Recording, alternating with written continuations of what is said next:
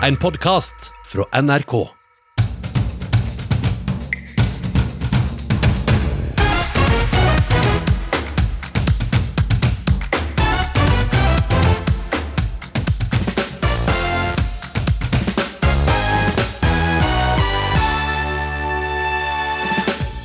Petter Northug tatt for råkjøring og narkotika. Jeg har gjort en stor feil, skriver skistjerna i sosiale medier. Er det mulig å tilgi ham denne gangen? Det har vært så mange fester i Bergen i natt at politiet mener det minner om nyttårsaften. Unge gir blaffen i smittevern, sier lege. Vi må ha forståelse for at de unge vil sosialiseres, svarer filosof. Og Indre Østfold ble stengt ned igjen denne uka etter ukontrollerbar eh, smitte. Vi har fulgt en familie som igjen måtte kutte all kontakt med andre. Det har jo vært kanonfint vær, med, så det har hatt lyst til å sykle opp og, og bade på Lyseren og dra på strendene her. Strendene er jo stengt. Ja, det er lørdag, det er ukeslutt, og jeg heter Gry Veiby. Og mange av oss er i gang igjen nå etter ferien, og til uka så starter skolen. Men kanskje har du allerede nå måttet ta deg ekstra fri pga. planleggingsdager på skolefritidsordninga eller i barnehagen, og flere kommer det til å bli. Jeg trenger ikke fire dager på en hard stol med lunken kaffe og lange monologer for å kunne gjøre jobben min, sier lærer som vil ha slutt på planleggingsdager. Det får du høre mer om seinere i sendinga. Akkurat nå er kultureliten delt inn kohortvis i Haugesund, der filmfestivalen nå går av stabelen. Og I går var det utdeling av Amanda-priser, og der var det selvfølgelig du for å kaste glans og dele ut eh, priser, kulturminister Abid Raja. Velkommen til ukeslutt. Ja, takk for det. Vi skal snakke mer om film snart, men vi må ikke glemme at du er også sjef for idretten, og da må vi spørre deg om dagens store sak. For det har vært en mørk dag for alle dem som elsker eh, langrenn. En av de største idrettsstjernene Norge har hatt de siste tiåra, nemlig Petter Northug, er ikke bare tatt i å kjøre fort, han har også fått beslaglagt narkotika hjemme hos seg sjøl. Hva er din reaksjon som idrettsminister på det?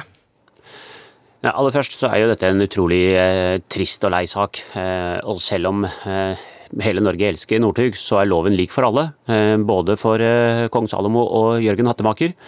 Og man må stå til rette for loven når man bryter den. Eh, jeg ser at nå er jo ikke straffesaken gjennomført. Politiets etterforskning er jo ikke ferdig. Det er visst også tatt blodprøve av han, så vi vet ikke noe om ruspåvirkning. Så det kan jeg ikke kommentere. Men jeg ser at Northug selv har skrevet at han både har kjørt for fort og han sier også at det er blitt gjort beslag av narkotiske stoffer, altså kokain, små mm. mengder, hjemme eh, på hans bopel. Og det er, eh, for å si det sånn, det er ikke akseptabelt. Det er ikke akseptabelt at, eh, at man både kjører i den farta som politiet foreløpig sier at han da angivelig har blitt tatt i, opp mot 170 km i timen i 110-sone, det er farlig for andre mennesker enn da å være på veien samtidig. Fare for seg selv også. Og ikke minst som, eh, som idrettsstjerne så har man også en stor uh, rolle uh, som å være forbilde for andre i samfunnet. og det, det å bli tatt med, og det å bruke, og ikke minst det å bruke kokain og bli tatt med det, det sender feil signal der ute. Så det tror jeg hele Idretts-Norge vil være både lei seg for har skjedd, men også vil ta avstand ifra. Mm. Hva vil du si da til Petter Northug i dag? Det er jo veldig bra at han legger korta på bordet, det skulle i utgangspunktet også bare mangle. Eh, han har jo eh, syndet før og ble tilgitt eh, for det av det norske folk. Jeg ser at han jo også er veldig lei seg for det som har skjedd. Samtidig så må jeg si at kokain Jeg vil ikke altså Uten å nå bedømme og dømme Northug, så tror jeg jeg vil si noe generelt om kokain. For det tror jeg er viktig å få med seg hva det narkotiske stoffet innebærer. Det vi vet er at i Latin-Amerika så er det veldig mange mennesker som dør og blir drept av narkotiske karteller, eh, fordi at dette her er meget sterke organiserte kriminelle nettverk. Vi vet at eh, fattige bønder blir eh, tvunget til å jobbe på disse plantasjene. Og forskerne sier Du trenger ikke å ta hele for, forhistorien her, Abid Raja. Bare en siste ting. Ja, spørsmålet er ikke bare hva du vil si til Petter Northug i dag.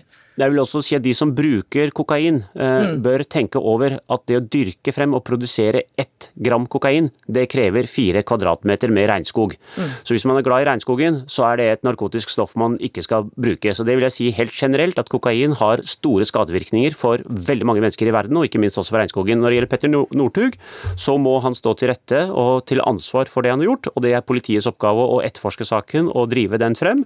Så ser jeg at han har lagt seg, eh, at han erkjenner både å har kjørt for fort og blitt tatt med narkotisk stoff i sin bopel, og det er ikke akseptabelt. Ja. Det aksepterer eh, ikke noen i idretten, Nei. og det aksepterer ingen Og politikere er- heller. det har du fått sagt nå, Abid Raja. Vi skal høre mer om Petter Northug seinere i sendinga, men først skal vi til norsk politikk. For sommerferien er over, de har ikke sett hverandre på lenge, og da de endelig møttes, ble det noen sleivspark og tilløp til katteslagsmål. Jeg satt i disse forhandlingene, der satt Venstre. Jeg hørte ikke ett argument mot. Men lukk den døra. Nå må Jo, du- da må men du du var hjemme, jeg satt i Stortinget. Vi kan bevitne det. Like an alley cat.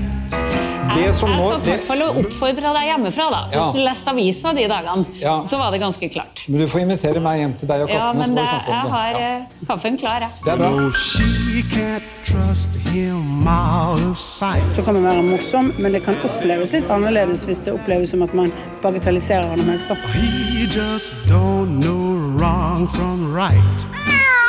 Like an alley cat. Eh, Jeg har den største respekt for Trine Skei Grande. Jeg har vært hjemme hos henne i private sammenhenger. And love them. Man kan alle sammen se noe litt uh, over seg i sånne, sånne debatter, så det, det tar vi på det.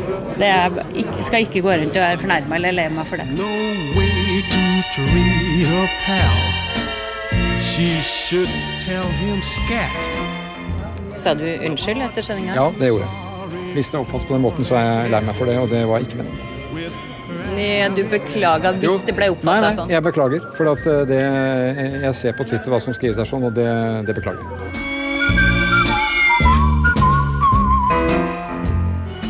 Støre har lagt seg flat, Sakene saken er over, eh, katteslagsmålet er eh, vel forlikt. Så Abid Raja, eh, bare svar på akkurat dette spørsmålet. Er du en eh, kattemenneske eller hundemenneske?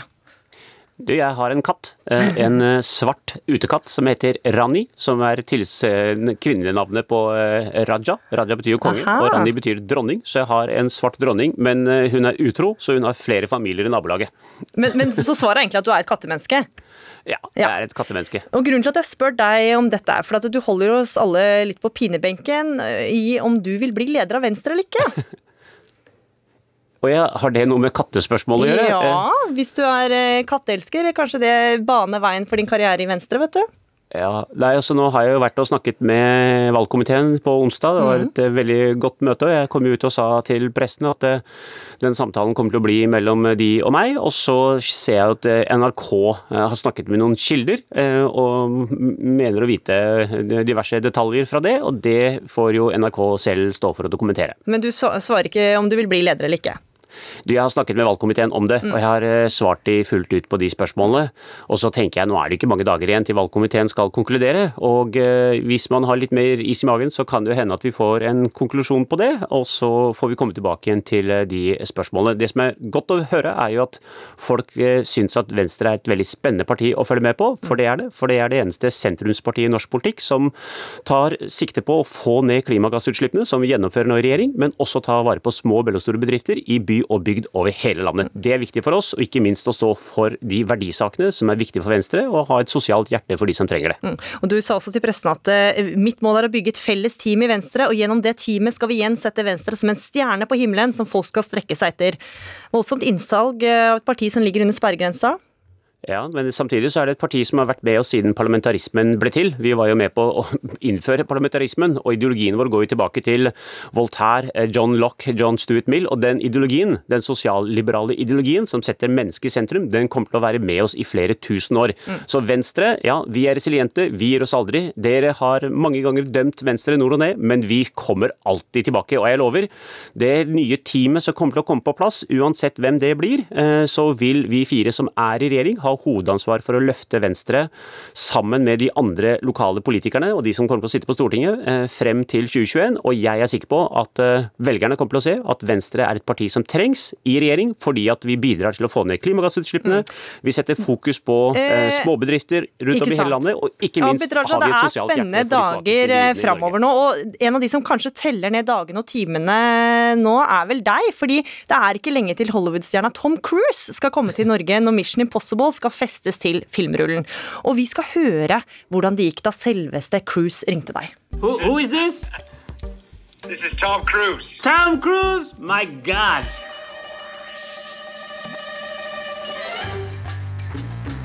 A beautiful country. I'm very excited, as is the whole crew, to come back. We are we are very excited to have you back as well, and we are hoping that we are able to solve this uh, uh, Corona situation, uh, both for uh, for you, but also for for for, for others. Oh, we have we, we have one thing in common, you know. What's that, man? Uh, we've both been hanging from the Prekestolen, you know. Been hanging from that? Yeah. We are so much looking forward having you back here, you know. Oh man, me too. I cannot wait. Abid Raja, har du sikra deg en statistrolle? Altså først så, jeg, Tom Cruise hadde en lengre samtale, og så bestemte vi oss på slutten for å lage en liten snutt som kunne være eh, interessant for eh, noen i pressen, og det viste seg å være korrekt. Dette det er sånne ting vi elsker. Men har du sikra deg en statistrolle, Abid Raja? Eh, nei, det har jeg egentlig ikke, men eh, hvis jeg får treffe crewet hans og eventuelt han, så vil jeg jo få frem noen viktige ting for oss. og Det ene er at eh, Prekestolen ble jo plassert i Himalaya i, i den forrige Mission Impossible-filmen. Det er ikke bra. Eh, vi må få kreden for Norge må krediteres. Og det andre er at jeg vil jo veldig gjerne at han også skal komme tilbake og lage den neste Mission Impossible-filmen i Norge. For Norge har en spektakulær natur som hører helt hjemme i disse actionscenene som Hollywood elsker å lage.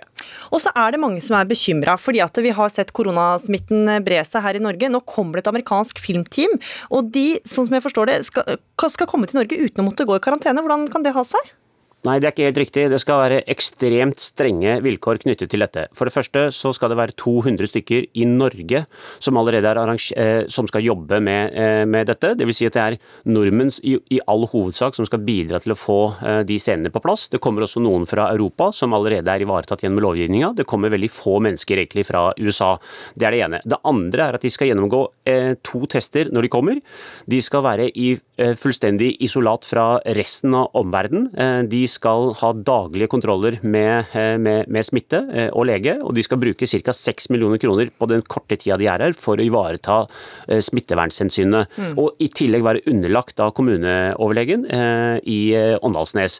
Så her er det, det, de tiltakene som de skal ha, de er, det er de blant de strengeste i Norge. Så dette gjøres under ganske streng smittevernregime. Eh, Og som sagt, de som skal jobbe med settet, kommer ikke flyvende eh, utelukkende fra USA. Det er et bitte lite team som kommer derfra. De fleste av de vil være norske og europeiske. Mm. Samtidig så er norsk film eh, de er bekymra for framtida di. Hollywood-produksjonen har fått tilsagn på eh, inntil 49,6 millioner norske kroner av Kulturdepartementet i det som heter insentivordninga. Hvordan kan du garantere at det ikke går på bekostning av norsk film, og at vi vil kunne se filmer eh, på Haugesund filmfestival neste år? For det første så er insentivordninga en fantastisk ordning for å bringe andre eh, filmmiljøer til Norge. Eh, det bidrar til å skaffe også norsk eh, filmmiljø eh, kompetansemuligheter. At man utveksler erfaringer.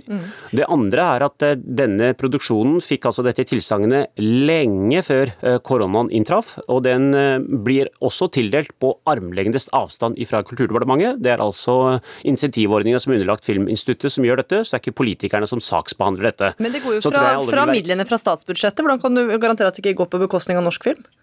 Det er viktig å si at de midlene som gis, de midlene blir igjen i Norge. De skal bruke ca. 200 millioner kroner eh, i Norge på den scenen som de skal filme her. Det, pengene går ikke ut av Norge, pengene blir igjen her i Norge.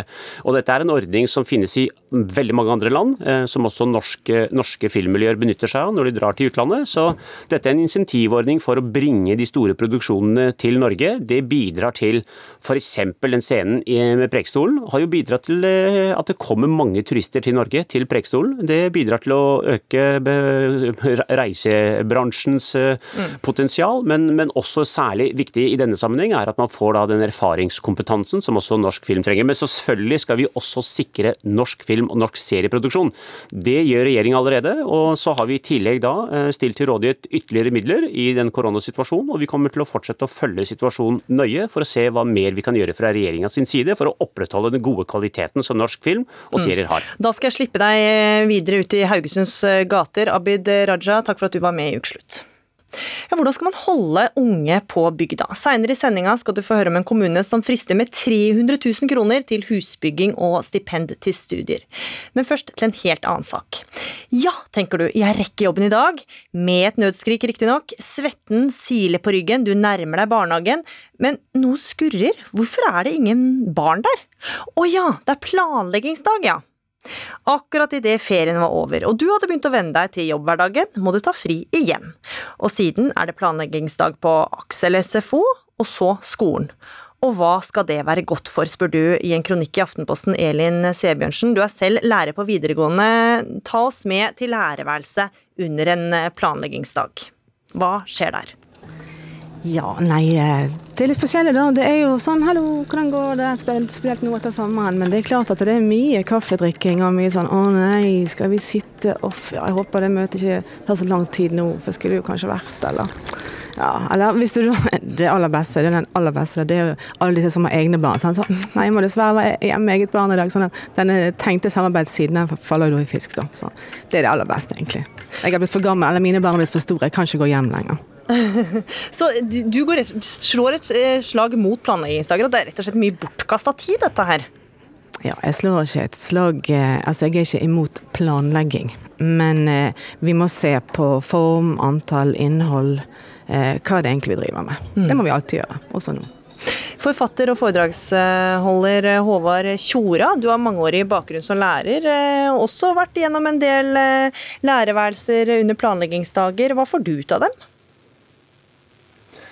Nei, jeg, jeg har litt eh, annet inntrykk eh, av planleggingsdagene. Jeg. Altså, altså selvfølgelig eh, Rett etter ferien så møtes kolleger og man prater om hvordan ferien har vært. Det skulle kanskje bare mangle. Men jeg opplever planleggingsdagene til å både være veldig viktige og stort sett med i og for seg bra innhold. Hvor det er mye tid til å planlegge året sammen. Og og legge planer selvfølgelig for, eh, for elevene og diskutere nye elever som kommer. Og så er det jo også, jeg så det var nevnt i denne artikkelen eh, som vi snakker om her, uh, med at det var kritikk av uh, det å høre på kjedelige foredragsholdere. Og det er selvfølgelig noen foredragsholdere som kanskje ikke helt treffer, men jeg har jo lært veldig mye av mange av de foredragene jeg har hørt på gjennom planleggingsdagene. Mm. Så jeg har en litt annen opplevelse. men, men Tjora, altså, hvorfor eh, kan man ikke bare gjøre planlegge litt sånn eh, innimellom? Hvorfor må man sette av en hel dag til dette, som jo går utover foreldre som da også må ta seg fri fra sine jobber? Ikke bare én dag. Eller flere dager, ja. Nei, altså når du sier, det er litt eh, det er interessant å si innimellom. Eh, vi kan jo bare ta i grunnskolen, da, hvor jeg har jobbet det aller, aller meste av tiden. Og det er, eh, altså En lærer der har jo 19,5 timer undervisningsplikt i, i uken. Og så har vi jo da planleggingstid også, for vi har teamtid eh, og vi har felles møtetid. Så det er da to fulle dager etter undervisning som går til, til planlegging og møter. Og det vil si at Vi sitter igjen med altså tre dager hvor vi har tid til å planlegge For Håvard Tjore, jeg elsker deg. Du er så flink. Du skaper så mye bra. og Du, du har virkelig liksom løftet lærerne frem og opp og sånne ting. Men altså, nå må ikke du bli sånn som alle andre bare snakker om vi har den tiden, vi har ikke tid til mer. Drit i den tiden. Vi snakker jo om den tiden hele tiden. og Vi bruker jo all tiden på å snakke om all tiden vi ikke har. Det er jo bare ko-ko. Kom an igjen. Mer noe om det, da. Ja, nei, men, eh, ja, det er egentlig det jeg mener mene om. Altså, du har ca. to til to og en halv time hver dag, Bla, bla. eh, eller unnskyld, tre dager i uken til å planlegge for 19,5 timers undervisning. Ja, og hvorfor det, holder ikke det når man skal- Spørsmålet jeg stiller, ja, Ja. Hvorfor holder ikke det? Altså, Mm. Vi snakker om sju timer til å planlegge 19,5 timer undervisning, Mm. pluss da samtaler med foreldre, oppfølging av eh, barn, ekstra behov og ekstra møter som selvfølgelig dukker opp i løpet av dagen. Så jeg, eh, jeg tenker at Når man sier innimellom, så tenker jeg at det er jo i og for seg et fint forslag, men når er innimellom? Ja, Sebjørnsen, du som sier at eh, man, tid må man bare finne. Ja. finne. Hvordan skal man gjøre det, da? Sitte her og hoppe i stol. Nei, altså tid er jo noe Det har vi jo, sant, og det kommer alt det greiene der. Men altså, det som vi lærere nå må passe oss for sant? Se på kommentarene på, på innlegget mitt. Det er, jo, det er jo debatt. Det er jo det som er meningen skal bli en debatt. Sant? Og så skriver jo alle altså Alle tar utgangspunkt i sin egen arbeidsplass, sin egen erfaring, og så bom! Se, vi har det så grusomt, vi har det så forferdelig, vi har ikke tid til det, vi har ikke tid til det. Dette er det som går igjen. Det er ikke det denne debatten skal handle om, det er jo hva fyller vi planleggingsdagen med? Hvor mange trenger vi? Er det samfunnsnyttig? Hva gjør vi? Og så videre. Kan vi endre på noe? Skal vi gjøre de samme tingene som vi alltid har gjort? Nei, selvfølgelig skal ikke vi det. Selvfølgelig skal vi endre på ting og fornye oss og alt det greiene. Og selvfølgelig skal vi samarbeide og de, altså, snakke sammen, diskutere elever og alt det der, men vi må gjøre det altså, Vi må være i utvikling og være dynamiske. Sant? Ikke dette her 'Å nei, vi har ikke tid', det blir jeg helt svimmel av, altså. Og kan Tjo- sitte med det. det koster jo samfunnet veldig mye penger, da, alle disse dagene som settes av til dette her. Ja, for der er det jo en annen side som egentlig ikke har kommet fram i dette. og det er jo at øh, Man snakker som om ja, nå skulle barna vært på skolen. De skulle jo ikke det. De har jo sommerferie. Lærerne begynner en uke før elevene. Så det er, jeg synes Debatten er kanskje ørlite grann rar med utgangspunkt i at barna har sommerferie. De har så mange dager de skal ha i året. Og så Ja. begynner de Her og nå har jo de det, men- men det er jo noe noe at vi- kommer, der er jo lærerne på jobb. Ja, men så er det jo mange dager i løpet av året også hvor det er planleggingsdager, eh, og det ikke er i det er- etterkant i løpet av sommerferien. Det største, det største og viktigste poenget her, er, det planleggingsdager eller er det informasjonsdager? Sant? Det er stor forskjell på det.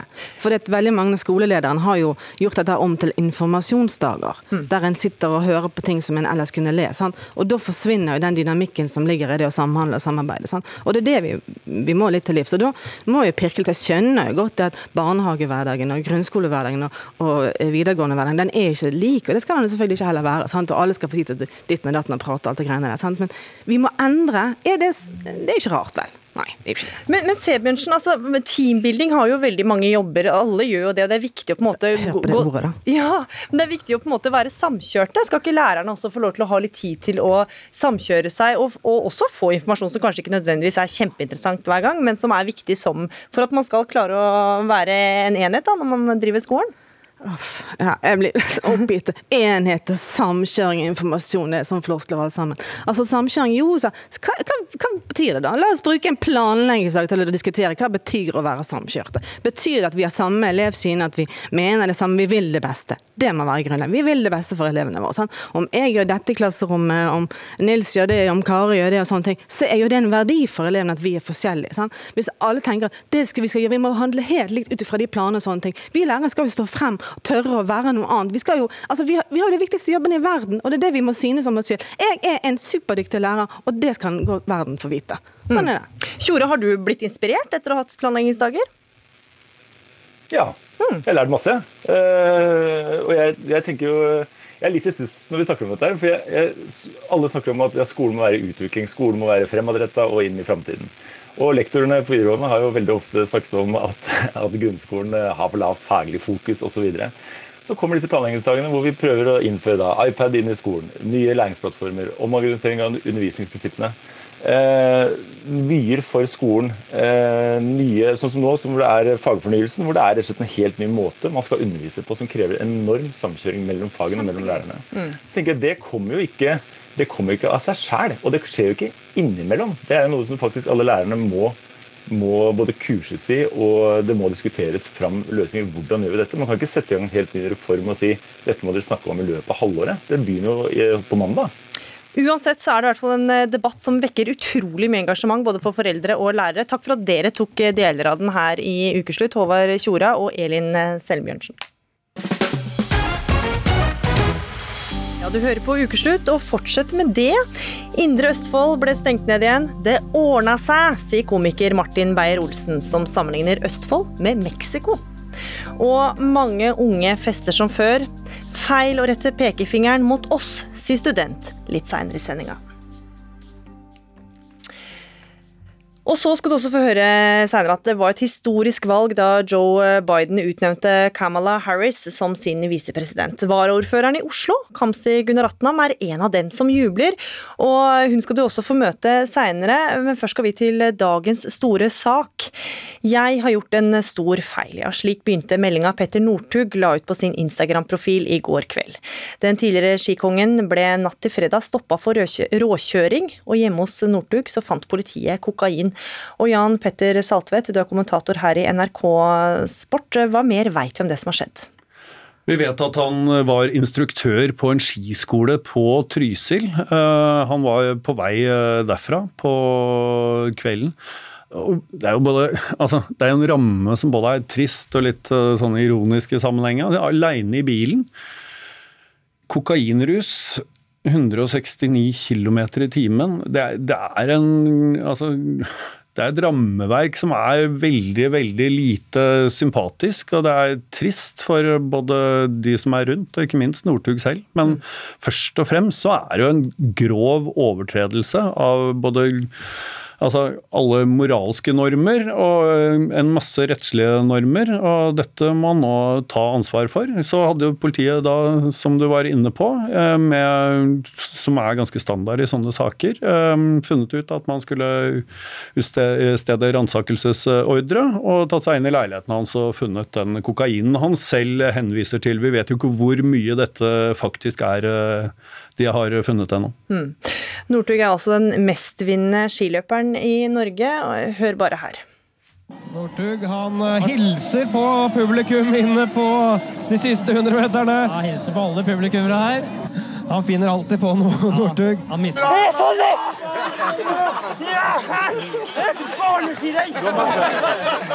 Det blir Northug! Det er Northug som staker best! Fallen. Nå kommer han. Han avgjør denne knallharde femmila og tar gullet der og tar fire gull! I Store norske leksikon så står det Petter Northug er en norsk langrennsløper som er en av verdens fremste i sin idrett eh, gjennom tidene. Men hva har dette å si for Northugs ettermæle? Sist han ble tatt for uh, både råkjøring og han jo, hadde jo 1,65 i promille i uh, Trondheim. Løy til politiet, alt sammen. Fremsto som en angrende synder. En som var på bunnen og skulle ta sin revansj, uh, kom tilbake året etter, hadde et helt utrolig VM i Falun, tok fire gull. Og det kom noen tårer der som jeg tror hele nasjonen følte med, den kampen han hadde vært gjennom. Han fremsto som en mann som hadde modna, en som hadde forstått alvoret og ikke skulle gjøre noe sånt noe igjen. Eh, etter karrieren eh, var slutt i 2018, så eh, har han brukt tida på dels å være ekspert, og dels å bygge seg opp sitt, sin egen kommersielle virksomhet. Det eh, man hadde håpet, eh, var jo at eh, Northug skulle innta en ny rolle. Det virket som han var på vei til. Men eh, baksiden, som eh, det har versert ganske mange rykter og historier om, så skal man jo være varsom med å forholde seg til dem, har jo gått på en mildt sagt utsvevende eh, livsstil eh, på siden av dette. Uh, og da er det klart, når han det da så til de grader kommer til offentligheten, som det gjorde i går kveld, så er det jo et enormt tap av ansikt, av tillit og av den respekten han i offentligheten hadde klart å bygge opp igjen. Mm. Og det å skulle gjøre det når man har vist at det var ikke uh, reelt den, den angeren, den tilsynelatende nye innsikten, det var ikke reelt. Det, det var der fortsatt så er veien til å få tilbake denne respekten veldig mye lenger for han. I tillegg til at det selvfølgelig allerede har begynt å gi seg utslag for den kommersielle virksomheten. Han har allerede begynt å miste sponsorer? Han har det. Eh, sykkellaget UnoX, som han har samarbeidet med, var tidlig ute i dag og sa at de bryter samarbeidet. Får vi se hva Norges Skiforbund eh, gjør. Uh, Anders Aukland og hans langløpslag har valgt den andre løsningen ved å si at uh, vi kommer til å fortsette uansett. Vi, vi støtter Petter Northug. Mm. Jeg er lei meg, jeg skal gjøre opp, sier han. Hva slags apparat har han rundt seg nå? Det er jo det man kanskje kan lure på hva slags apparat han har hatt rundt seg eh, i, eh, i en eh, periode nå. Han, han brøt samarbeidet med den manageren han hadde, rådgiveren Terje Halland, i slutten av 2019. Far Jon gikk inn formelt i rollen og uttalte da at Petter skulle ta mer ansvar for eh, seg selv og sin egen virksomhet. Eh, det vi ser nå er jo dessverre et ganske klart uttrykk for at det der ikke har fungert eh, veldig godt, og det viser vel også behovet for å få inn personer som kan, som kan få ham på en mye bedre vei. Mm. Og nå er det altså opp avvente politiets dom. Jan Petter Saltvedt, kommentator i NRK Sport, takk for at du var med i Ukeslutt. Milliardær og forretningsmann Johan H. Andresen er på vei til ukeslutt for å fortelle hvorfor han vil legalisere cannabis. Og Det får du uh, svaret på litt seinere i sendinga, men først så skal vi til Indre Østfold. For søndag kom beskjeden om at alt stenges ned fordi kommunen ikke lenger har kontroll over smitten. Idrettsanlegg og strender er stengt, treninger er avlyst, og folk får bare lov til å være sammen med dem de bor sammen med. Lindy Hansen og familien bor i Indre Østfold, og med opptak fra mobilen deler hun glimt fra deres uke, hvor de har forsøkt å gjøre det beste ut av situasjonen. Koronasmitten ute av kontroll i Indre Østfold. Nå stenger kommunen helt ned i en uke.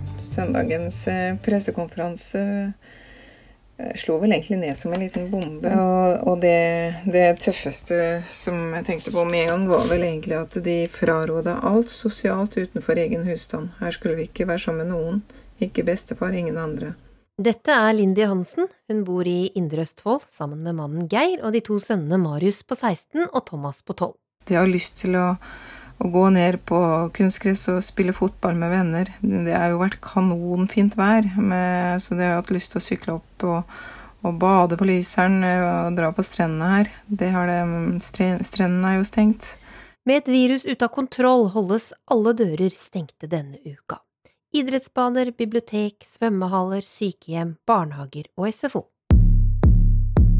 Okay, I'm bored in the house and I'm in the house bored. Bored, bored in the house and I'm in the house bored. Bored, bored in the Tolvåringen har jo telta i haven. Uh, han har uh, eh, utvikla teltet til noe stort. Hver dag har det kommet inn møbler og tykkere madrasser, og vi har jo Geir har overnatta på omgang sammen med han, så det har jo egentlig vært ganske koselig, det. Men uh, det hadde sikkert vært veldig koselig å ha en kompis der òg, istedenfor mamma eller pappa. Været er nydelig denne siste sommerferieuka, men eh, Marius får ikke vært sammen med kjæresten Emma. Hei, Marius. Hei. Hei, Emma. Hallo. Hei. Sitter dere her og prater på telefon? Ja. Så det, Marius, hva er det du savner aller mest om dagen, da? Nei, det er jo det sosiale, da. Være med Emma og venner og dra på fotballbanen og sånt. Jeg savner jo det sosiale mest, jeg òg. Det å se venner og Marius og det å kunne dra inn på håndballtrening. Dere jo, har jo lyst til å være sammen og får ikke vært sammen, mens eh, andre ungdommer er eh, full fest i parker og rundt omkring i landet. Det er jo veldig kjedelig at det, selv om det er lov, at man burde jo ta litt hensyn, sånn at man bare blir ferdig med det. Ta en liten pause fra sånt akkurat nå, kanskje. Det vil jo komme flere sjanser til å være sammen i store grupper, så det går jo an å vente litt nå. I eh, Indre Østfold er det registrert fem nye smittetilfeller av covid-19. I alt har nå 143 personer i kommunen fått påvist korona. Jeg må jo si at det blir jo til at hun følger litt med på koronavarsel og sånne ting. Og glad hver gang det kommer lave tall, og litt skuffa i dag når det kommer fem nye tilfeller. Men det er vel egentlig bare å forvente at det går litt i bølger. Velkommen til hovedstaden til en god time med spennende skyting i sommersola som nå er på vei. I går så jeg på skyting Mesternes mestermøte på NRK. Også Lindy har måttet ofre noe denne uka. Og jeg var skytterprinsesse i 2007, så jeg var en av dem som var så heldig å, å få, få, lov til å få en invitasjon. Jeg har jo forberedt meg litt til dette her i, i sommer, og har egentlig sett fram til å delta. Men eh, når vi fikk eh, den meldinga på, på søndag, så ble det vel eh, klart for meg at det ble vanskelig for meg å delta da, i et eh, idrettsarrangement eh, utenfor Indre Østfold. Og, og jeg meldte derfor avbud. Det var litt rart. Jeg kunne jo vært der sjøl, men samtidig så føltes det helt riktig, da. Hei, Vibeke! Hei. Hei. Men jeg gleder meg til en joggetur med deg, Lindy. Det Ja, blir gøy. Det blir bra. Så kanskje et glass vin på verandaen òg. Ja, det er lov, det. After, after wine. Å, Ja. Nei, men eh, vi har vel ikke mulighet til å stå for uh, nære, så vi får fortsatt holde avstanden over veien her. Ja, Mm. det. Ja, Vi håper så på gode nyheter. det er til helga. Mm. Takk skal du ha, Vibeke. Ha det. Og det er nå klart at det blir delvis hjemmeskole på de videregående skolene i Indre Østfold til uka. Reporter var Linn Beate Gabrielsen. Det er med andre ord tilbake til eh, mars måned med tanke på koronarestriksjoner. Og komiker Martin eh, Beyer-Olsen, du er riktignok fra Rakkestad som grenser mot eh, Indre Østfold, men hva vil du si til Lindy og familien hennes nå? Eh, ja, hva skal man si? Det er bare å holde ut, folkens. Det er ikke noe annet å gjøre. Akkurat nå så er det jo dessverre sånn det må bli. Og så er det jo da, av alle flotte kommuner i landet her, så skulle det være Indre Østfold som eh, røk på en smell. Det er trist, selvfølgelig. Og, eh, men av den reportasjen her, så er jo Altså, folk er jo kreative. Jeg syns jo det Lindik eh, legger merke til, er jo at den sønnen som har telter i hagen, er på vei å flytte ut av, eh, av huset. Bit for bit. Så jeg tror aldri han kommer tilbake igjen. Han bare fortsetter når grensene åpner, så tar han med det teltet og bare drar. Så eh, Nei, jeg tenker eh, Man må jo bare jeg vet ikke, finne seg en hobby. Østfoldinger er gode på hobbyer. Nå vet jeg også at indre østfoldinger er gode til å powerwalke. Mange eh, som går veldig fort rundt i Østfold, de må kanskje bruke hagen til det. Eh, men jeg liksom ta opp fluebinding. Uh, Totempælhogging. Bruk telefonstolpene i nærmeste omegn. Eh, eller strikking, altså. Rett og slett finne nye hobbyer. Bare pushups. Bare masse armhevninger. Hvor mange armhevinger kan du ta? Du sammenligner Østfold med Mexico. Hva, hva er likheten der? Ja, jeg gjør jo det. Det er mange likheter der. Det er jo at eh, vi altså Først og fremst vi drikker det samme i Østfold og Mexico. Vi drikker Tequila. Eh, bare til Østfold så lager vi den sjøl. Eh, og vi spiser det samme. Vi har taco på fredag, men vi har taco på lørdag, taco på søndag, taco på mandag, ikke taco på tirsdag. Da har vi burritos. Eh, og vi har den samme humoren. I Østfold har vi Raimon, og i Mexico så har de Ramón, eh, vil jeg tro. Eh, og ikke minst så grenser vi da til sjølve lykkelandet. Altså Mexico grenser til USA, vi grenser til Svinesund. Strømstad, Sverige. Sverige. Altså, eh, g- altså Ja, gullet ligger rett over grensa for oss. Ja, og der er det også eh, kanskje litt av forklaringen til eh, årsaken, kanskje? For hvorfor skjer dette med Indre Østfold, tror du? Eh, ja, ja, nå veit man jo ikke, da, men det er jo lett å spekulere i at eh, når du må handle i et rødsoneland, så er det jo ikke umulig at en eller annen klåfinger eh, har tatt på noe. For det er jo på kjøpesenteret der, f.eks. For, for det er jo det. Man, østfoldingen kan aldri bestemme seg heller. vet du. Skal han ha den store, eller skal han ha den kjempestore kronfogelesken? Så det tas jo mye på varer som man ikke skal ha, og sånn smitter det videre, videre, videre. videre, videre. Fordi altså Lykkelandet Sverige, eh, Indre Østfold og dette med billig alkohol og bacon, hvor viktig er det for folkesjela i Indre Østfold? Eh, For folkesjela er det veldig viktig. Da har jeg også faktisk, liksom, for jeg har alltid tenkt at eh, man drar for å spare noen kroner. Nå vet man jo også at folk Noen er jo altså Mat er dyrt i Norge, så mange er jo avhengig av å Og så er masse å spare. Men jeg vil jo si at det er ikke bare Sverige er ikke bare en handletur. Altså Det er jo en, en kulturell eh, sjelevandring inn i det flotte, åpna landskap hvor du drar og henter gull og tar med Det er jo en skattereise. ikke sant? Fra du er åtte år og skal kjøpe kinaputter eller smågodt hele veien via bacon til og med Systembolaget, liksom. Er jo Det er eh, Jeg vil si det er kultur. Viktig for østfoldingen. Viktig. Det er Ja, det er eh, Det er en del av eh, en del av det å være østfolding. Og hvordan skal det ordne seg nå, da?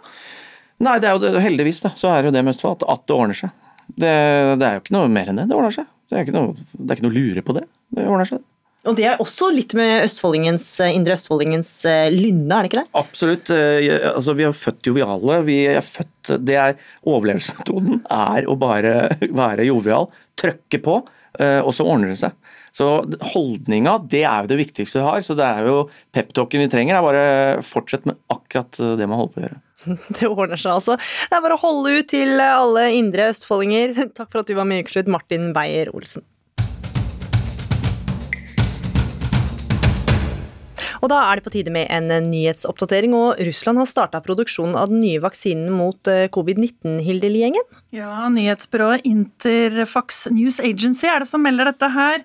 Russland sier at vaksinen, som er den første som går inn i produksjon, vil være klar i slutten av måneden, men reaksjonene fra resten av verden de varierer, og flere mener Russland gjør dette for å fremheve seg selv, det forteller reporter Halvard Sandberg. Det er et propagandafremstøt for visse deler av verden, som viser at Russland med denne Sputnik-øyeblikk nummer to er i føringen.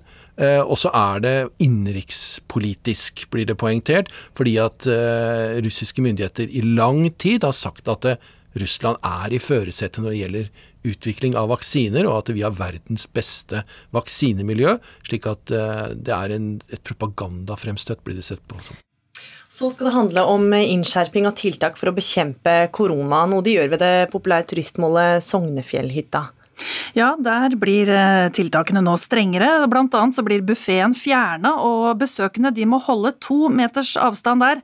Eier eh, Råmund Munnhell han vil at folk som kommer til hytta skal føle seg trygge. Ja, Det er jo utviklinger i forhold til covid-19 som, som, eh, som, gjør at kanskje mange av gjestene våre da, føler en viss usikkerhet med å og reise, til, reise på ferietur i høst. Og oss ønsker jo på en måte å sikre at de skal føle seg trygge på å komme, for oss ønsker jo at flest mulig skal komme, selvsagt. Statsministrene i Latvia, Litauen og Estland ber Hviterussland om å holde et nytt presidentvalg hvor internasjonale observatører blir involvert. Valget som fant sted 9.8 har blitt anklaget for valgfusk, der sittende president Aleksandr Lukasjenko skal ha fått over 80% av stemmene. Da takker vi for denne nyhetsoppdateringen, Hilde Liengen. Vi har sett dem eh, overalt i media denne uka. De er unge, de står tett, og de har drukket for mye øl. Kringsatt av fiender, gå inn i din tid. Det ser ut som eh, unge i 20-årene har glemt rådene og reglene litt mer og litt oftere enn andre. Vi kan ikke ha russetreffaktige tilstander i Oslo nå. Hvis smitten øker mye, må vi stenge landet igjen. Dersom det ikke blir bedre i løpet av kort tid, må jeg be dem som organiserer fadderukene, om å avlyse det. Eh, og For veldig mange så er fadderperioden sinnssykt viktig, nettopp fordi det er, du er i en sårbar situasjon det at man blir gjort til syndebukker, altså hele ungdomskullet, føler jeg er litt unyansert. Jeg vil understreke at dette ikke viser hvem som er syndebukker. Stans deres drift mot død, stans denne ånd. Ja, helseminister Bent Høie kan si hva han vil, men det har vært mange negative nyheter om unge den siste uka. Og Bergenspolitiet melder om en fredagskveld som minner mest om nyttårsaften. Vi fikk jo en periode her uh, veldig mange henvendelser inn på uh, ordensforstyrrelser, altså støy fra hjemmefester. Eh, jeg tror vi hadde en, rundt en 50 henvendelser her på noen timer. Så det har vært det, og generelt mye folk ute på, på byen. Mens Oslo-politiet, som vi også snakka med for kort tid siden, fikk 45 meldinger om hjemmefester. Men det går stort sett da på uh, høylytte fester uh, i stort sett uh, sentrumsnære strøk av Oslo. Ja. Julius Grasåsen, du er student, og denne uka så tok du et oppgjør med de som retter pekefingeren mot ungdom i et innlegg på NRKs debattside Ytring. Og når du nå hører om natta i Bergen og Oslo, det er eh, nyttårsaftenlignende tilstander, sier de i Bergen. Hva sier du nå? Jeg syns jo for det første egentlig det er ganske kjipt.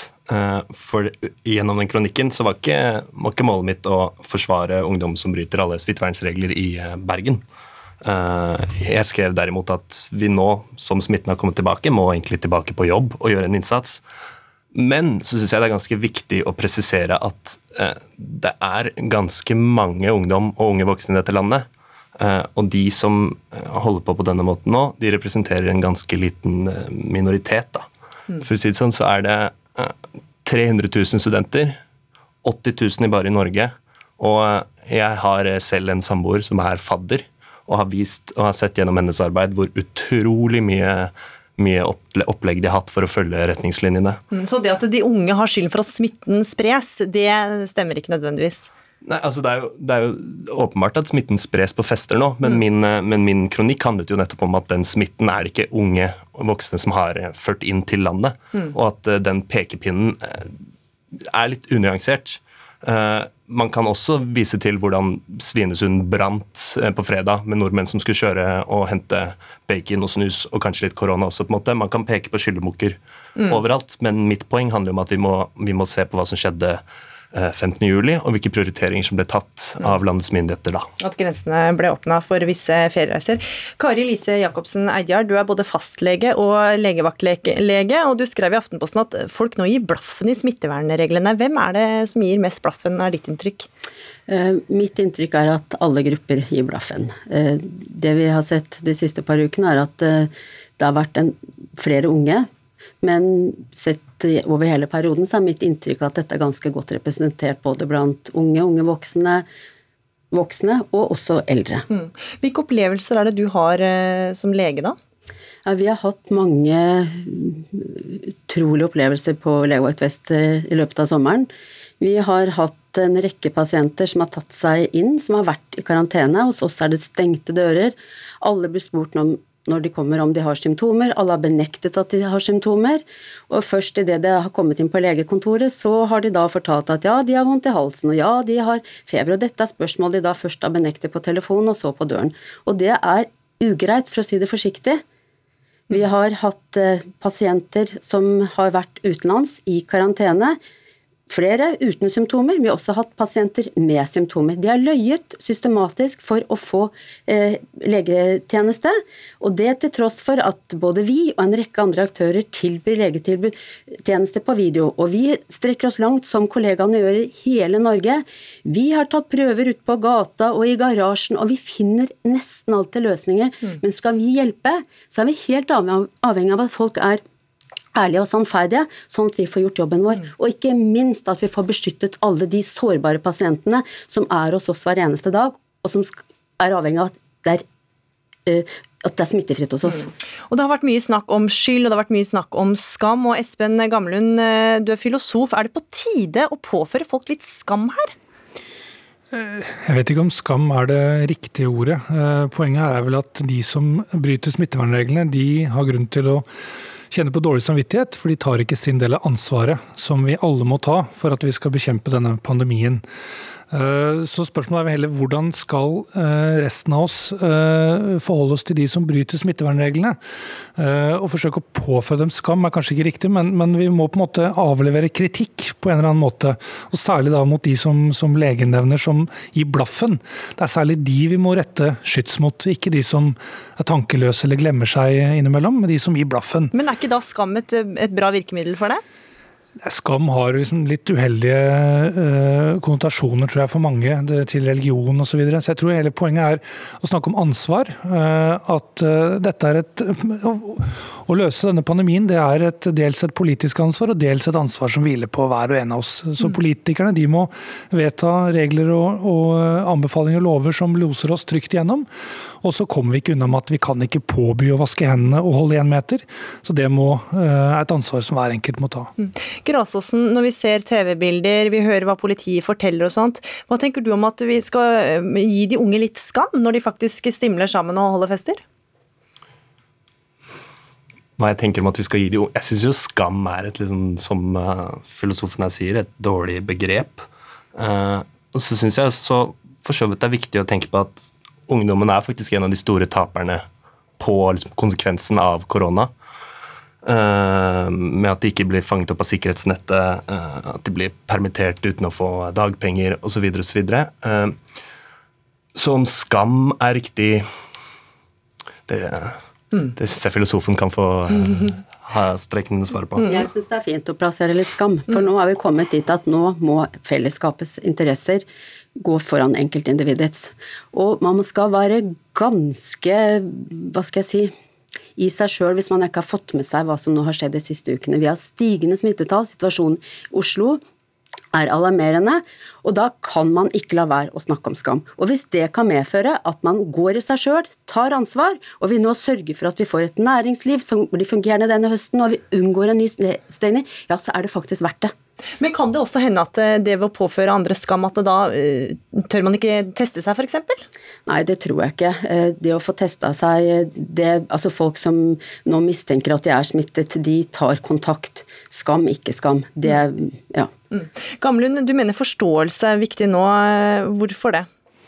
Nei, hvis vi tar studentene som et eksempel, som som mange av de da gikk glipp av russefeiring i våres, og så har de Eh, kommer de nå på universitetene og skal ha fadderuke. Og fadderuke er jo mer enn fyll og spetakkel. Det er jo en viktig sosial arena for å møte nye studenter eh, og få en, en, en viktig start på studiene. Så, så, ber vi dem da om å, å, holde seg hjemme i fint vær og la være å, å sosialisere. Det er klart at det, en, det oppleves som, som, litt urimelig, men det er selvfølgelig på den andre siden helt nødvendig at studentene som alle andre følger smittevernreglene. Det er bare at vi må ikke, vi må ikke liksom skape sånn også dem-mentalitet her hvor vi lager syndebukker, det løser ingenting. Mm. Jeg er helt enig med deg. Syndebukker, eh, altså Syndebukkstempelet det genererer sjelden og godt. Men vi er kommet dit at vi må ta grep. Og klarer man ikke nå å få studentene, og også de andre som gir blaffen, til å ta ansvar, så må vi som samfunn gjøre noe. For vi, kan, vi tåler ikke en ny høst. Og jeg snakker nå som lege. Jeg tenker på alle de eldre enslige som jeg har hatt kontakt med denne vinteren og våren, som har hatt det så tøft. Alle barna, alle ungdommene som har måttet være hjemme fordi de har uh, foreldre som har kroniske sykdommer og som er i høy risiko. Og vi har nå en hel haug av studenter som faktisk også trenger å få sosialisert seg, og som trenger å komme i gang med studiene sine og det nye livet sitt. Og det får vi ikke hvis vi nå må stenge ned. Mm. Grasåsen, eh, hvorfor er det så viktig for unge? Det er mange som ikke skjønner det. Hvorfor må de være så sosiale før skolestart? Så Det er jo selvfølgelig viktig. Det er mange som har prata om det allerede. Man er kanskje 19, flytter fra et helt annet sted i landet, skal bygge seg et nettverk, begynne på studier osv. Og, så og da er det jo utrolig viktig å, å, å, møte andre og rett og slett legge til rette for, for, hele, for hele, sitt fremtidige liv, på en måte. Mm. For hele studielivet, at man skal ha det bra. Og det har vært Altså, jeg er venn med folk som bor i en kvadratmeter på, nei, en leilighet på 18 kvadratmeter og har vært alene i to måneder. Man, måte, man må, man må uh, gjøre det meste for å, å måte, holde livet i uh, Og så prioritere, rett og slett, da, mm. at, at, ungdommen har det bra. Og uh, ja. Gamlund, vi har også sett kø foran Systembolaget for å få handla før Sverige stengte. Bør ikke de føle litt skam? Altså, For ikke å gjøre det til en diskusjon om ord, så, så jeg mener ikke skam nødvendigvis er det rette ordet, men jeg mener at hvis du, hvis du med åpne øyne gir blaffen i smittevernreglene for å kjøpe billig alkohol, så fortjener du all verdens kritikk. Da er du en skikkelig dust, eh, og det må vi tåle å si, og det må de tåle å høre. Mm. Eh, og så må vi være litt mer forsiktige med de som er tankeløse og glemmer seg og holder, ikke holder avstand i butikken. Men helt åpenbart, og jeg er enig med, med, med legene, at det er klart at vi må ta fram nabokjerringa og løfte pekefingeren mot de som åpenbart gir blaffen, eh, og ikke er med på denne moralske dugnaden som, som vi alle må, må, eh, være med på. Eh, og da må vi tørre å ta sånne ord i, i, i munnen. Eidjar, Eidiar, hva sier folk når du sier at nå bryter dere faktisk smittevernreglene? Nei, noen bryr seg ikke. Det er heldigvis mindretallet, men de fleste blir ganske flammete i fjeset og beklager og kommer seg raskt ut fra, fra legevakt vest. Mm. Vi får håpe alle kan følge litt mer smittevernregler nå, holde avstand og gjøre alt vi blir bedt om. Julius Grasåsen, student, Kari Lise Jacobsen Eidjar, fastlege, og Espen Gamlund, filosof, takk for at dere var med i Ukeslutt. Denne uka fikk de som vil gjøre cannabis lovlig, en uventa støttespiller. Og det er deg, Johan H. Andresen, du er styreleder og eier i Ferd. Og i svenske Sommar i P1 så foreslår du at cannabis bør selges over disk. Hvorfor er det en god idé, mener du? Ja, og Først ta settingen. da. Ehm, dette var et svensk program eh, hvor jeg egentlig snakket om ansvar. Og eh, ja, jeg håper at alle har hørt dette. Det ligger faktisk ute på podkast. Alle har selvfølgelig hørt 'Sommer i P1'. Ja, Og I denne sammenheng så snakket jeg om ansvar for å prøve noe nytt når det som eksisterer ikke fungerer godt nok. Og Det tror jeg vi kan være enige om at det ikke gjør. Eh, så Derfor nevnte jeg eh, den norske rusreformen som nå er på trappene, som er en modell eh, etter Portugal, som har 15 år med ganske bra data og gode resultater. Men i Sverige så dreier debatten seg om mer om hva gjør man for å få kontroll med uh, den kriminelle delen av det. Altså at cannabisomsetningen er på en måte plattformen for mange av de kriminelle, og som introduserer mange unge til kriminalitet for første gang. Altså ikke de som bruker det, men de som selger det. Så det var poenget mitt, at hvis man ser at noe går veldig galt. Eh, og vi har jo egentlig holdt på med en sånne forbuds- og straffelinje siden midten på 60-tallet. Med jeg tror vi kan si vekslende hell, eh, og det har vært forsket mye på det. Eh, og nå har da noen sagt at nei, nå må vi prøve noe nytt. Og noen er da bl.a. Uruguay, Spania, Canada og uh, faktisk da Camilla Harris, som, uh, også, også, ja, ja. som også sier at hun vil uh, legalisere på et føderalt nivå. Mm. de har et annet utgangspunkt enn Norge. Norge har et utgangspunkt som ligner mer på Portugal sitt, så derfor går vi for det først, mm. og det er klokt. Ja, hvor, hvorfor vil du det, da? Altså, hvorfor tenker du det å selge over disk er bedre her i Norge? jeg mener at vi først skal vi kjøre den rusreformen vi nå har. så jeg snakket ikke om Vinmonopolet, jeg snakket om på Systembolaget. Ja, ja. Eh, jo, jo, men eh, poenget er at dette var en svensk program, så jeg sier ikke at dette er rett overalt. Um, så jeg mener at vi bør bruke den norske, eller portugisiske modellen. Uh, og så uh, må vi evaluere hva som skjer i Canada uh, og Uruguay og Spania og disse ti amerikanske delstatene. og ikke alt er vellykket, men alt er under innkjøring, mm. akkurat som Portugal var i begynnelsen. Og, men mitt poeng er egentlig at man må måtte ikke være fornøyd med det, at, at det funker passe godt eller passe dårlig når andre innoverer. Man er nødt til å lære av andre. Også når det gjelder introduksjon av andre sosiale tjenester. Men så er det jo mange som sier at eh, dagens politikk det holder i det minste forbruket lavt. Og hvorfor kan man ikke holde seg til det man vet? Man vet jo faktisk ikke hva man vil få. Nei, og det er for så vidt et veldig godt poeng. og Jeg sier ikke at det er, det er mange mulige uh, problemer med Eh, enhver enklere form, enten det er avkriminalisering eller eh, legalisering av cannabis. Eh, det kan introdusere nye mennesker som ikke ville prøvd det uansett. Det kan på en måte si til alle at vi aksepterer rus i en annen form enn det vi har på en måte gjort tidligere. Gitt det vi på en måte har da på når det gjelder alkohol, f.eks. Men samtidig så er det sånn at det er så mange, mange mulige oppsider også ved det. Ved å på en måte gjøre det um, ja, altså, altså, At vi på en måte tar vekk denne straffe- og forbrytelsesdelen eh, som da ligger i for så vidt i rusreformen, men som også er en mulighet da, hvis vi på en måte ikke lykkes med, eller ikke er fornøyd med den delen, at så kan vi gå et skritt videre. Men Vil ikke da flere kunne bruke det, hvis det blir lovlig eller mer stuereint? Jo, jo, det er riktig. Eh, sånn er det jo også med alkohol og, og andre. Så, så, så det, er, det, er, det, er, naturligvis en, en full mulighet. Men, uh, men, det er jo ikke sikkert at det sånn nett-nett er uh, veier opp for alle de at, at, det er så negativt at den ikke også har positive effekter. ikke sant? Og det kan men det, dette må forskerne si mye om, øh, og mene mye om, og det gjør de også. Og de, det forskes mye på de resultatene som nå kommer frem etter hvert fra fra Canada, eh, som er veldig tidlige. Så, så, jeg tror på en måte juryen sier foreløpig at Portugal har rett. Eh, og så har de som har et annet utgangspunkt, der hvor det er stor utspredning av eh, kriminalitet eller allerede brukere, der kan man vurdere uh, legalisering av cannabis. Uh, for det, det, er liksom, det, er de to forutsetningene. Og den ene da er i Sverige. Du har en ganske stor utbredt kriminalitet som, uh, som lever og ånder med dette. For så vidt i Norge også, men ikke i, sånn, i den samme grad. Og så har du men du har ikke den utspredelsen av brukerne som du har hatt i USA og Canada. Mm. Vi skal høre med en av forskerne, Anne Line Bretteville Jensen, du er seniorforsker ved Folkehelseinstituttet. Hva er motargumentene, motargumentene mot en slik liberalisering som eh, snakkes om her? Ja, Andresen er jo absolutt inne på det. og Det viktigste motargumentet mot en legalisering er jo nettopp at en sånn økt tilgjengelighet som en legalisering innebærer, vil gi økt bruk. Både vil det gi flere brukere og mer bruk blant dem som allerede bruker. Og med økt bruk så, også, så medfører det en økt risiko for problemer. Både helsemessige problemer, sosiale og økonomiske problemer. Og Det er jo klart den viktigste grunnen til at Norge og de aller fleste land i verden eh, ikke har legalisert. Mm.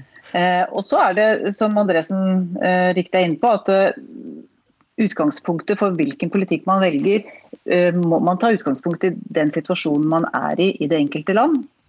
Og USA og til dels Canada hadde helt andre utgangspunkt, altså det er helt andre nivåer på bruk enn det vi har. Eh, så du syns ikke selv, sammenligningen med andre land er ikke nødvendigvis så relevant for Norge, eh, ifølge forskningen? Ikke, for å, ikke kanskje for å ø, direkte overføre de løsningene de har til Norge. Og jeg tenker at Norge ville uansett aldri gått inn for en så liberal ordning som man f.eks. har i, del, i, amerikanske delstater, hvor man har lov å reklamere, hvor de er drive-in-butikker for cannabis, hvor man kan kjøpe det 24 timer i døgnet. Men, men, det er også et poeng at selv ikke der hvor det er så liberalt, har, man, har de svarte markedene for cannabis forsvunnet. Altså både Canada og disse delstatene i USA, USA rapporterer om store problemer med at det svarte markedet fremdeles eksisterer. For uh, i Norge så vil man jo helt sikkert ha innført aldersgrense f.eks. Mm. Um, og man vet at um, prisen uh, på det svarte markedet vil være lavere enn på det legale markedet. Og, uh, og, det, og man i Norge ville også tenke man hadde da innført nivåer maksimumnivåer på den rusgivende effekten av cannabis. Mm. Og Da vil det alltid være folk som ønsker å tilby ting billigere, til de som er under aldersgrensen, og, og, og produkter som har høyere rusgivende effekt. Mm. Jeg må bare spørre deg helt til slutt, eh, Andresen. For et halvt år siden så ropte flere politifolk varsko om at mange ungdommer allerede tror at cannabis er lovlig, og de ble overraska at det ikke stemte. Og det var flere som mente at det skyldtes rusliberale stemmer. Er du redd for at du nå, ved å gå ut og si dette, kan promotere eller gå god for eh, hasj og marihuana? Nei, jeg er på ingen måte noen ekspert her, verken på rus eller legalisering eller noe som helst. Ehm, så dette ble jo nevnt i en sammenheng hvor jeg mener at det er verdt å prøve nye ting. Um, og, og først og fremst handler det egentlig om å menneskeliggjøre deler av ehm, Si, apparatet, litt som vi har gjort med barnevernet, hvor eh, da en sosialentreprenør, Forandringsfabrikken, har til og med fått en kjærlighet i norsk lov. I den nye barnevernsloven så står kjærlighet i paragraf 1. Og Det er jo liksom at man da ser på brukerne, misbrukerne, eh, på en helt annen måte eh, enn før. Det er en holdningsendring, ikke bare hos brukerne, men også hos eh, myndighetene. Mm. Det er i hvert fall en debatt som aldri dør. Takk for at du lufta dine tanker, Johan H. Andresen. Mer av dine tanker kan man altså høre i Sommer i P1. Takk til deg, Anne Lise Bretteville Jensen ved Folkehelseinstituttet også. Men først skal vi til amerikansk politikk.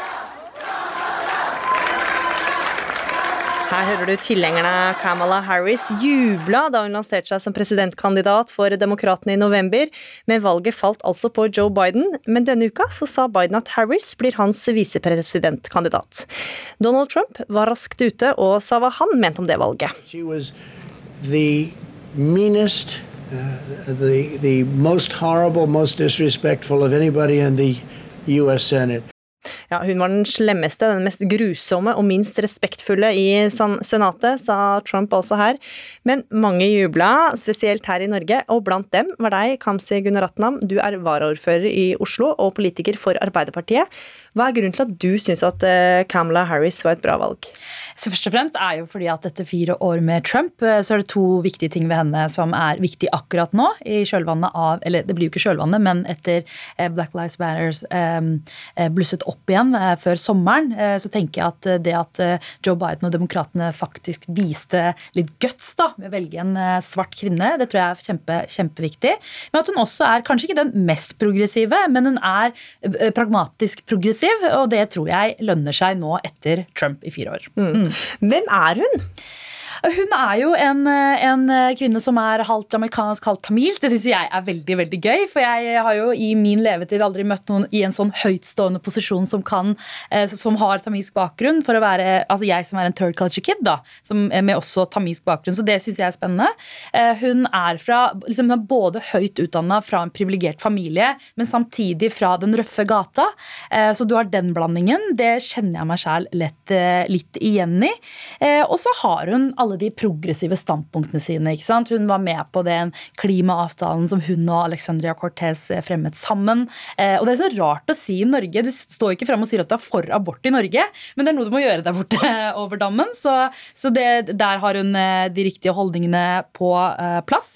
Og så mener jeg hun har riktige verdier og holdninger, politiske holdninger når det gjelder ruspolitikk, som jeg mener også Norge kan lære av. En avkriminaliseringslinje. Også Johan Andresen la seg også på samme linje rett før jeg eh, kom inn her nå. Eh, og til sist, men ikke minst dette med å ikke eh, fengselsstraff til førstegangskriminelle. At du tenker alternativ arbeidslinja for, for, de, da. Mm. Mm. Også dette med bakgrunnen hennes. Du sier det er første gang jeg ser noen i den posisjonen med tamilsk bakgrunn. Hva mm. betyr det for deg? Altså, Jeg posta en status først som var sånn Herregud, den første svarte visepresidentkandidaten er kjempebra, hun er progressiv, kjør på og hurra meg ut og bilde av henne.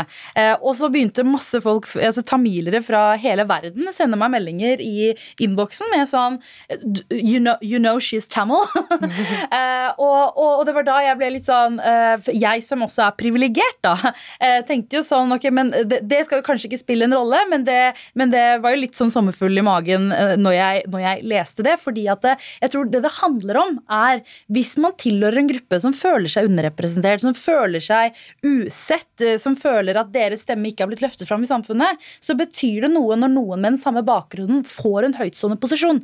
Og det jeg tror, og det Kamala Harris sier det sjæl også, at hun tror hun kan være en stemme for mange av disse eh, underrepresenterte gruppene. Nå er ikke hun min representant her borte, men jeg tror alle stater har tjent med at eh, statsledere og nestledere er, er eh, progressive. Men det betyr noe for meg også i Norge at, at, politikere og myndigheter og toppene våre gjenspeiler samfunnet. Mm, et mm. forbilde, på en et måte. Et forbilde, rollemodell. Mm. Og så er det bakgrunnen. Altså, eh, hun har eh, en annen bakgrunn enn veldig mange andre. Det, altså, hva har det å si for hvilke saker man kjemper for, vil, tror du? Mm.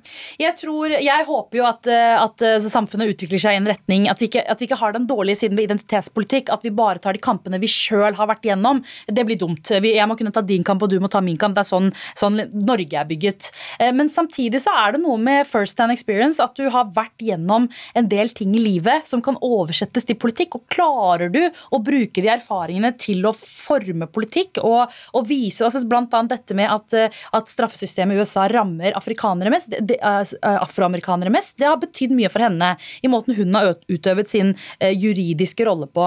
Og det er jo viktig. Mm. At, at, du kan bruke det du ser, og, og formidle det i politikken, og formidle det med den makta du til syvende og sist har, mm. det tror jeg er avgjørende. Mm. Så får vi se da hvordan det kommer til å gå, for det skal jo et valg eh, først. Kamzy Gunaratnam, varaordfører i Oslo og politiker for Arbeiderpartiet, takk for at du kom til Ukeslutt. Tusen takk.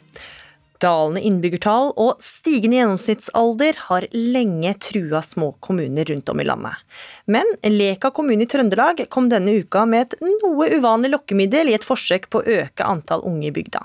Nemlig 300 000 kroner til husbygging og stipend til studier.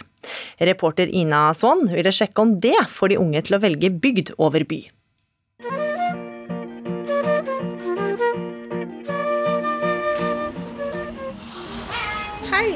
Fått en chai latte og en dobbel cappuccino? Takk. Hjemme så var det jo sånn at man måtte jo kjøre en time til Harstad eller Sortland å, hvis man skulle dra på shopping. Men eh, nå er det jo sånn hvis jeg trenger noe, så er det jo bare å løpe rett utfor døra, og så er det så å si der. Bygdekommunene i landet sliter med høy gjennomsnittsalder og lave innbyggertall. For veldig mange unge de velger nemlig storbyen i stedet for bygda og en av de er Emma. Det er jo veldig gøy med nye kafeer og nye restauranter. Det skjer jo alltid noe nytt her. Det er jo alltid noe å gjøre hvis man vil. Jeg møter Emma på en kaffesjappe på Grünerløkka i Oslo, som beleilig nok ligger så å si rett utafor døra hennes. Hun er en av de som synes storbyen har langt mer å by på. Det er jo mye mer ting å gjøre. Melde meg på rare kurs, prøve nye kafeer, restauranter. Og det er nettopp disse tingene storbyen byr på, som skremmer mange unge fra å flytte ut i Distrikts-Norge. Men en som ikke lar seg skremme, er artist og fiskerøkter Adrian Jørgensen. Hvis jeg skal velge mellom ei by og ei bygd?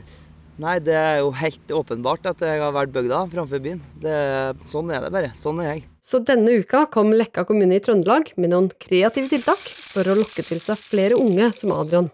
Dette kommer vi tilbake til. Men først Eh, Jeg kommer fra ei lita bygd som heter Lødingen, oppe i Nord-Norge. Det er i Vesterålen, da. De fleste har hørt om Vesterålen. Hvor mange er det som bor der cirka? Oh, I underkant av 2000, tror jeg. Etter et år i hovedstaden har hun foreløpig ingen planer om å bytte ut byen mot bygda. Hva er det som eh, du tenker storbyen har som ikke bygda har, da? Altså For det første så er det jo mange flere jobbmuligheter.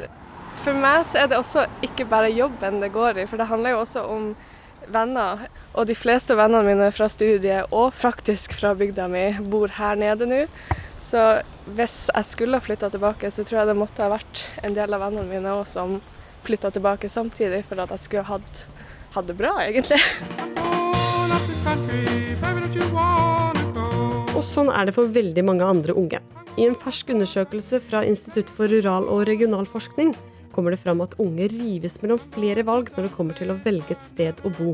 Mange kunne faktisk tenke seg å starte en familie på bygda, med et lite småbruk og et par husdyr f.eks. Men de er bekymra for at de ikke vil få seg relevant jobb der. I tillegg så viser undersøkelsen at mange rett og slett syns bygda er mye kjedeligere. Så hvordan får man unge til å ville flytte?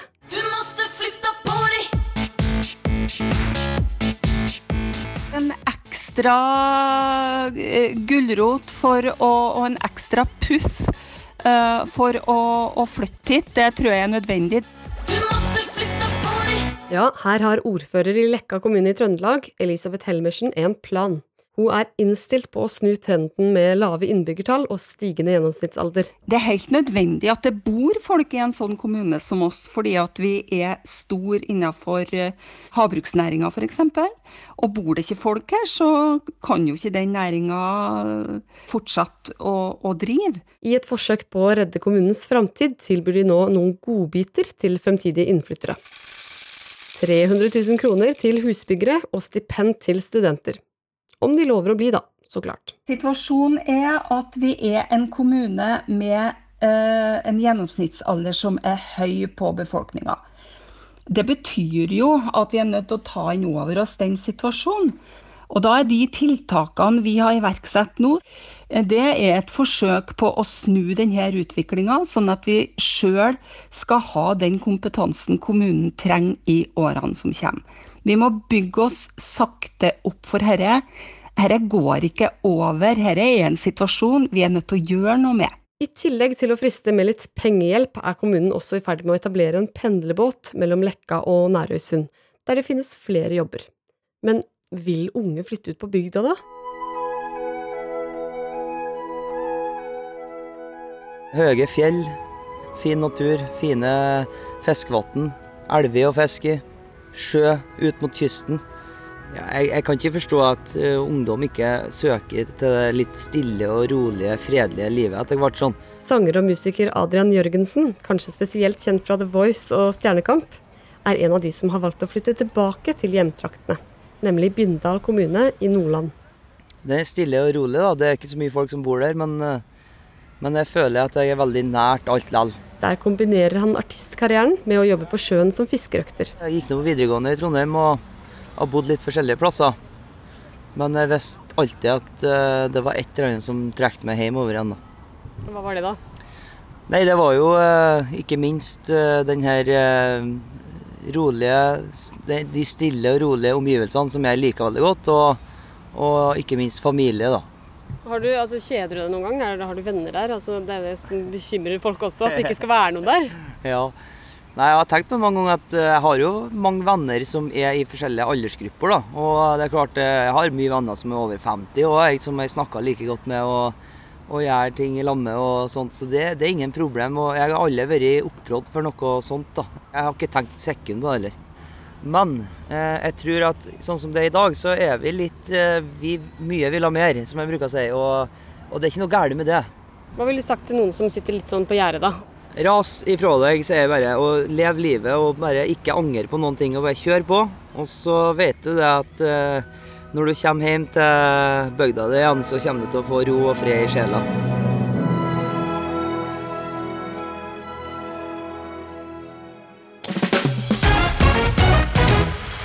Da har ukeslutt kommet ved veis ende. Ansvarlig for sendinga, det var Kari Li. Det tekniske ansvaret hadde Eli Kyrkjebø, og her i studio var jeg, Gry Veiby. Takk for at du hørte på oss. Hør på oss når du vil, som podkast eller i nettspilleren vår. Du har hørt en podkast fra NRK. Hør flere podkaster og din favorittkanal i appen NRK Radio.